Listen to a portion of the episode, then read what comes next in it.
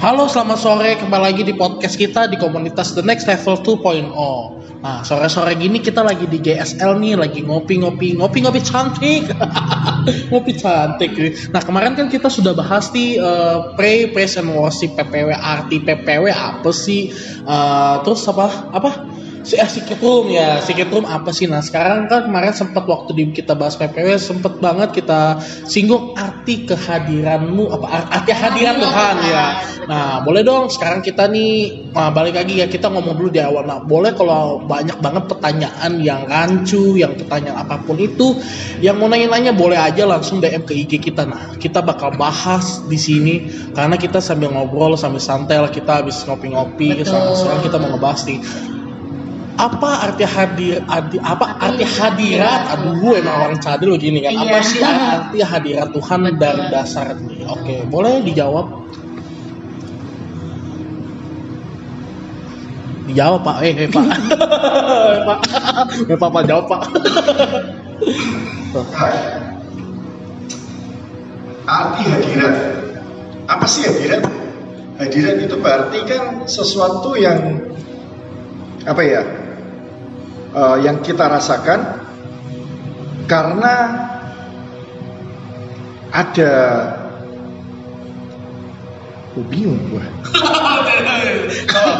ulang lagi, ulang lagi. Apa nih? Atau ada apa nih? Uh, biasanya hadirat itu kan karena ada orangnya.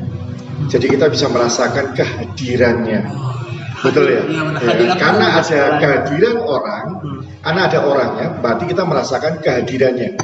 Nah, kalau kita merasakan, mau kita kita mau bahas tentang hadirat Tuhan, artinya kan berarti kita harus menghadirkan Tuhan dulu, betul loh. Baru kita merasakan kehadirannya. Gitu.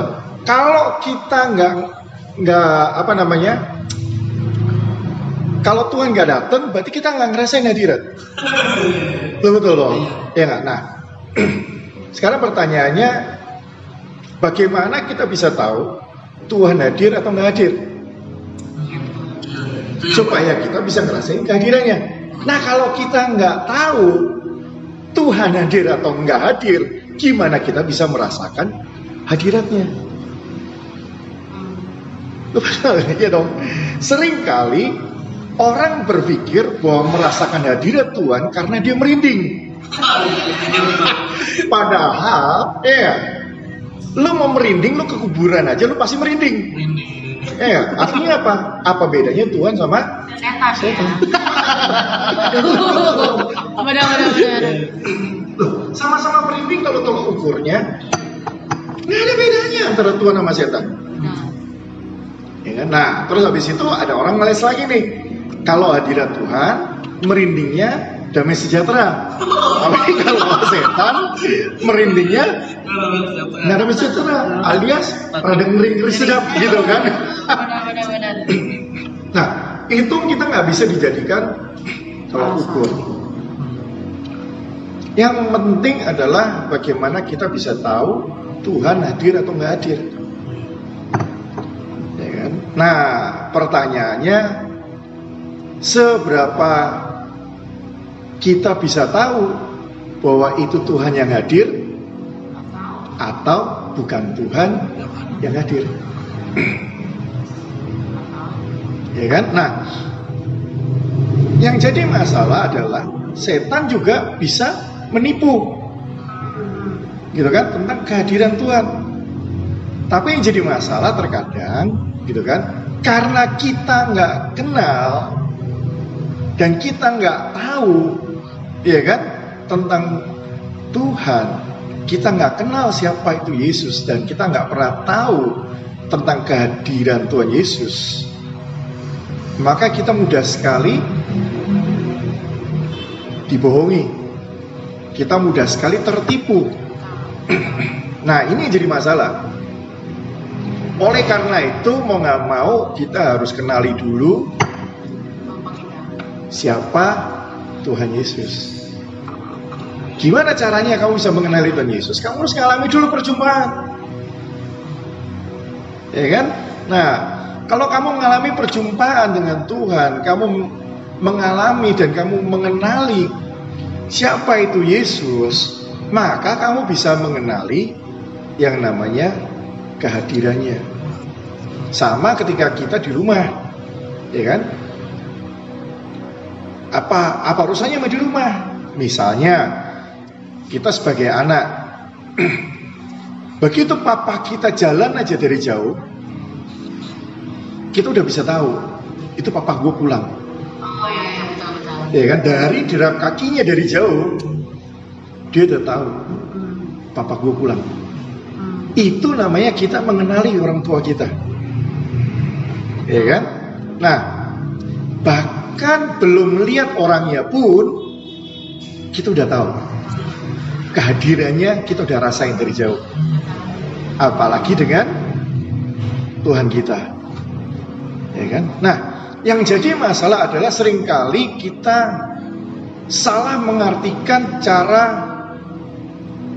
mengenali hadirat. Misalnya, kita harus pujian dan penyembahan dulu sekian lama, baru hadirat kita turun. Atau kita baru merasakan kehadiran Tuhan. Padahal sebenarnya, ya kan, kembali lagi kita udah pernah jelaskan kemarin, ya kan, mengenai kehadiran Tuhan itu sebenarnya nggak perlu seperti itu. Tetapi kembali lagi, saya nggak anti pujian penyembahan, ya kan? Saya nggak anti bahasa roh, ya.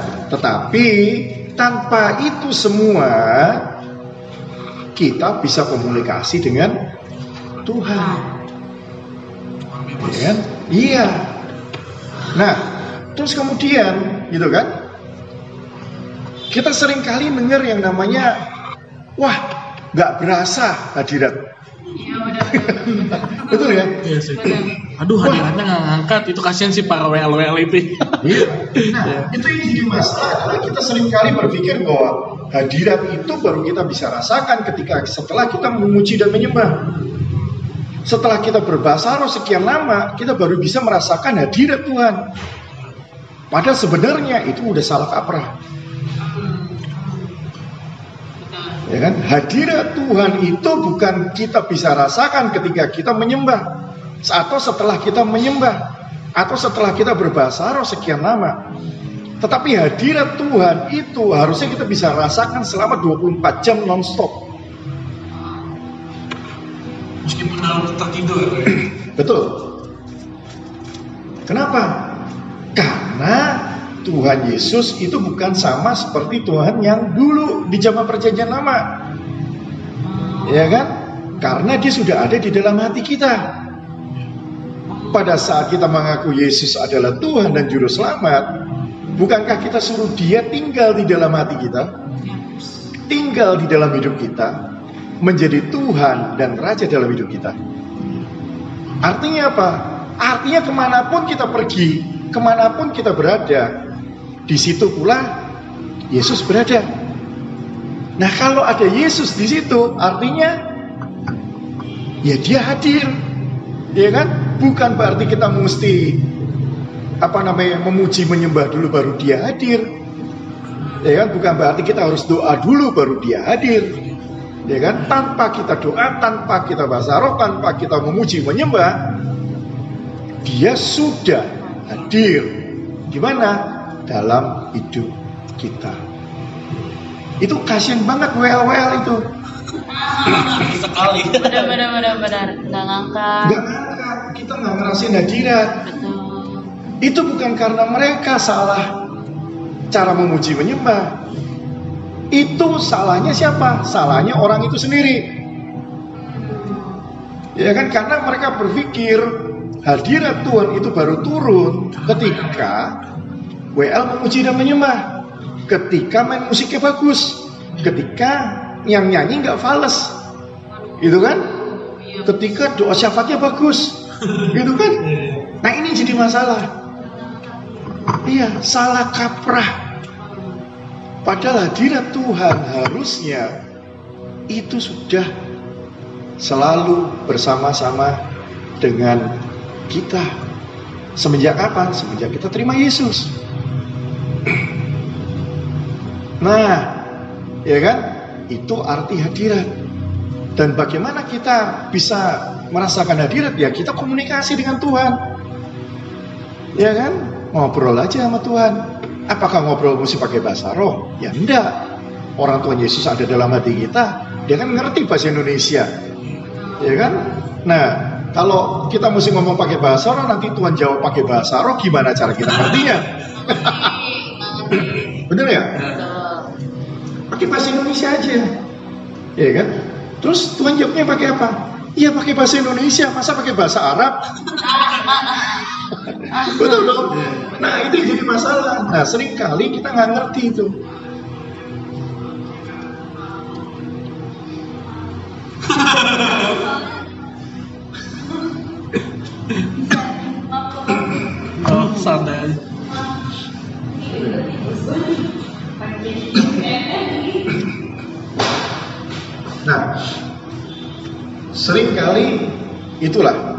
Misunderstanding dan akhirnya mis misteaching gitu kan. Bukan ber, ya itu namanya kita selalu belajar. Ya kan? Di dalam proses belajar ya kita harus terus cari. Ya, Tuhan itu selalu inovatif. Tuhan itu selalu kreatif.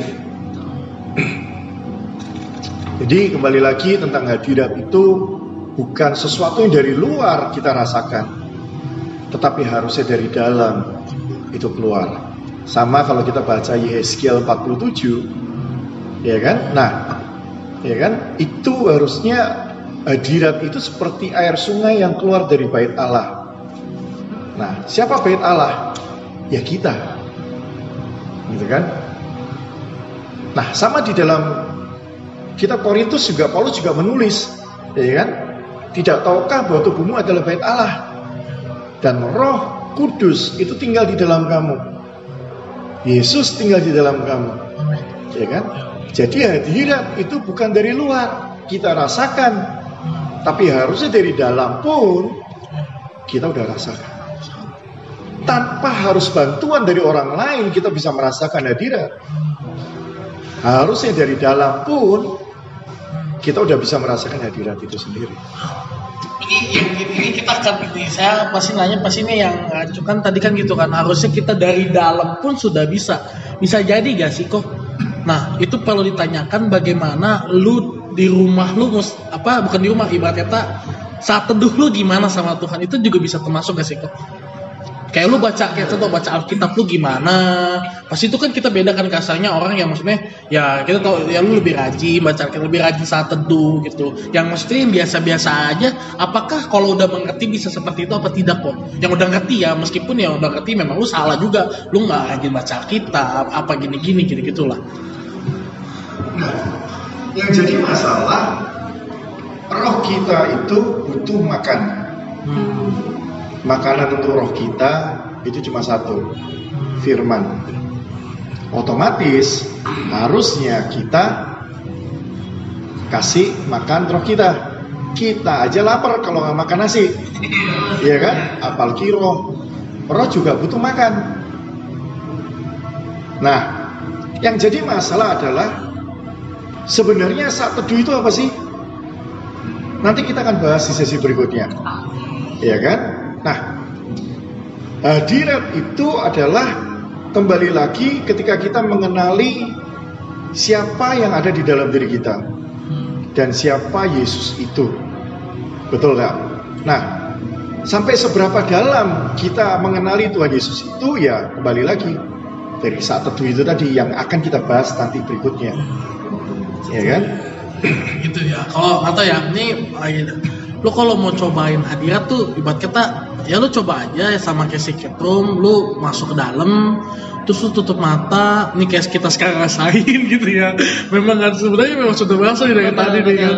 ya lu mungkin bisa bilang ah bullshit gue gak ngerasain apa apa apa lu coba aja pelan pelan kita itu juga masih belajar gitu kan ini berasa sebenarnya kita ngomongin gini pun juga kita bikin begini ya sebenarnya berasa juga gitu kan Iya, betul. berasa juga aduh aduh pengen pengennya aduh pengennya pengen mewek tapi ya nggak bisa terus gitu Berarti memang hadirat Tuhan itu tidak terbatas oleh eh, Ruang dan tempat, waktu. Iya. tidak terbatas oleh waktu, Betul. kapan aja, di mana aja, bahkan sampai di kita misalnya contoh lagi eh, pagi-pagi kita kerja atau yang lagi di sekolah gitu bisa juga naik gojek atau misalnya naik busway kita juga bisa merasakan itu misalnya Iya. tiba-tiba kita mewek gitu tiba-tiba kita yang jadi masalah adalah hadirat itu bukan sesuatu yang dari luar. Iya. ah, Kalau kita, kan ada di dalam hidup kita. kalau kita ngerti itu ya. Iya betul. Iya, iya. Ya kayak kita sekarang ini, umpamanya gitu kan, lagi ngopi, gitu kan. Kita ngerasain hadirat. Bukan karena ada pujian penyembah di luar. betul Bukan karena kita menghadirkan hadirat. Hmm, Tapi karena memang sudah ada hadirat di dalam hidup kita. Ya kan, kita naik gojek. Bukan karena kita memuji menyembah Tuhan baru kita merasakan hadirat. betul betul Tetapi pada saat kita naik gojek pun, dari dalam hidup kita pun, kita udah merasakan hadirat. Oke. Ya kan? Jadi kalau kita merasakan hadirat bukan berarti kita harus merem. Kita masuk ke kamar, kunci pintu, ya kan? Itu bukan merasakan hadirat, itu mau tidur. nggak boleh diganggu gitu ya oke oke iya iya betul Nah, itu seperti itu. Ya kan? Kita di dalam WC, umpamanya, kita bisa nggak merasakan hadirat? Bisa. Loh ya udah pasti bisa. Kenapa? Lah, Tuhan ada di dalam hidup kita. Masa kita nggak ngerasain hadirat? Ya kan? Nah ini yang jadi salah kaprah selama ini. Kita berpikir buatan. Nah, terkadang gini nih, ya gue pernah ngobrol sama istri, saya ngeliat cara istriku juga berpikir. Dia selalu berpikir bahwa, ya kan, dengan nyetel musik kenceng-kenceng di rumah, udah gitu nyetel pujian penyembahan, dia baru bisa merasakan hadirat. Kan? Saya udah kasih tahu berkali-kali bahwa tanpa itu pun kamu harusnya udah bisa ngerasain hadirat. Ya kan? Lu nyetel musik kenceng-kenceng di rumah, lagu rohani, lu diomelin sama tetangga. Karena kan kita tinggal di apartemen, bukan di rumah yang luasnya 50 kali 50 gitu kan. Itu nggak ada yang denger. Bener nggak? Tetangga lu nggak ada yang gubris. Lu mau kenceng apa musik sekenceng apa pun nggak ada yang pusing. Tapi kalau lu di apartemen nggak perlu seperti itu. Ya kan, lu nyetel musik kenceng-kenceng gitu kan, nggak ada efeknya. Ya kan, sama tanpa lu nyetel musik, sama-sama dua-duanya bisa merasakan hadirat. Justru dengan kamu nyetel musik pelan, itu akan dapat dinikmati oleh orang lain juga. Lo iya nggak ganggu, orang lagi tidur, orang lagi belajar. iya benar benar. Nah itulah makanya salah kaprah selama ini tuh kayak begitu. Makanya orang-orang itu kadang-kadang kesiannya apa? Orang-orang yang fales. Mereka jadi minder. Iya Kenapa mereka minder? Mereka takut menyembah. iya benar Karena ketika mereka harus nyanyi, harus pujian penyembahan dulu. Aduh, suara gue jelek. Apalagi orang yang nggak bisa doa, gitu kan? Nah, bagaimana dengan mereka yang bisu? Sorry kata nih, gitu kan? Mereka nggak bisa nyanyi, mereka nggak bisa doa. Apakah karena mereka nggak bisa nyanyi, mereka nggak bisa doa, mereka nggak bisa merasakan hadirat? Maka dari itulah Yesus mati, bangkit kembali, supaya apa? Supaya Dia bisa tinggal di dalam hidup kita. Supaya apa? Supaya kita bisa merasakan hadirat Tuhan tanpa ada batasan apa pun, atau dengan cara apa pun, atau dengan peraturan-peraturan seperti apa pun yang dibuat oleh manusia yang menyulitkan seseorang untuk ketemu dengan yang namanya Tuhan Yesus. Jadi kalau kita ngobrol, kita bisa merasakan nggak hadirat? Bisa. Kita lagi ngopi, bisa. Ya kan? Ya sorry, umpamanya kita lagi ke kamar kecil, bisa, bisa. Ya kan? Nah inilah yang namanya hebatnya Bapak kita. Dia sudah memikirkan, ya kan? Gimana caranya dia yang kudus, yang tadinya nggak untouchable, yang tadinya untouchable, bisa ketemu sama namanya manusia dan bisa ngobrol lagi sama manusia. Yang nggak kudus kasarnya yang nggak kudus kasarnya. Face to face ya. Face to face. Itu bukan cuma face to face lagi sekarang. Iya udah itu dia tinggal di dalam hidup kita. Benar benar. Kalau cuma face to face artinya dia masih tinggal di luar. Oh iya bener ya? Dia udah jadi manunggal sama kita. Hmm, jadi satu tubuh dalam hidup kita. Betul lo bisa bayangin. Yang nggak yang kudus mau tinggal sama kita yang nggak kudus perlu dipertanyakan nih yes. Perlu dipertanyakan why? Artinya apa? Betapa berharganya kita. manusia di hadapan Tuhan betul. Semakin Sekalipun gak kudus. kita ngobrol Yes. dengan dia. Ya. Itulah arti kehadiran terus gimana nih kok eh, kalau misalnya bagi mereka yang sudah terbiasa mendengar kayak misalnya kayak tadi koko istri koko contohnya bisa dengar pujian penyembahan yang seperti itu yang kencang-kencang maksudnya untuk merubah itu kan butuh proses butuh waktu dan nggak dan nggak semua orang juga eh, mau gitu loh Ya bukan mau lah. Ah gue ngasak lah iya ibaratnya. ibaratnya aku nggak suka, lah ya. kalau kayak begitu mah gue nggak bisa Gue lebih sakan yang gue kalau lu ya caranya lu kalau Iya. gue ya caranya gue gitu loh Iya. maksudnya supaya seperti itunya bagaimana gitu Iya. loh yang pas segala sesuatu tergantung dari manusia. Hmm. semua punya pilihan. Hmm. kita bisa memilih mau ikut yang seperti ini atau yang mau seperti itu. Apakah salah? Kalau kita pakai cara lama ya tidak salah. Tapi kembali lagi bahwa Tuhan itu menginginkan komunikasi dua belah pihak. Ya kan? Nah kalau kamu cuma pujian dan penyembahan kemudian kamu ngerasain hadirat dia hadir terus buat apa kehadirannya Lengkap ya? Apa arti kehadirannya? Nah ini yang paling penting. Apakah kita cuma mau bikin list doa? Semua isinya permintaan? yang pertama kita yang Iya. ngomongin ya iya, iya. Atau kita mau ngobrol sama dia? mau cicat curhat curhat ya Yes, itu yang paling penting. Nah, Tuhan kita atau Bapak kita maunya dia cicet sama kita.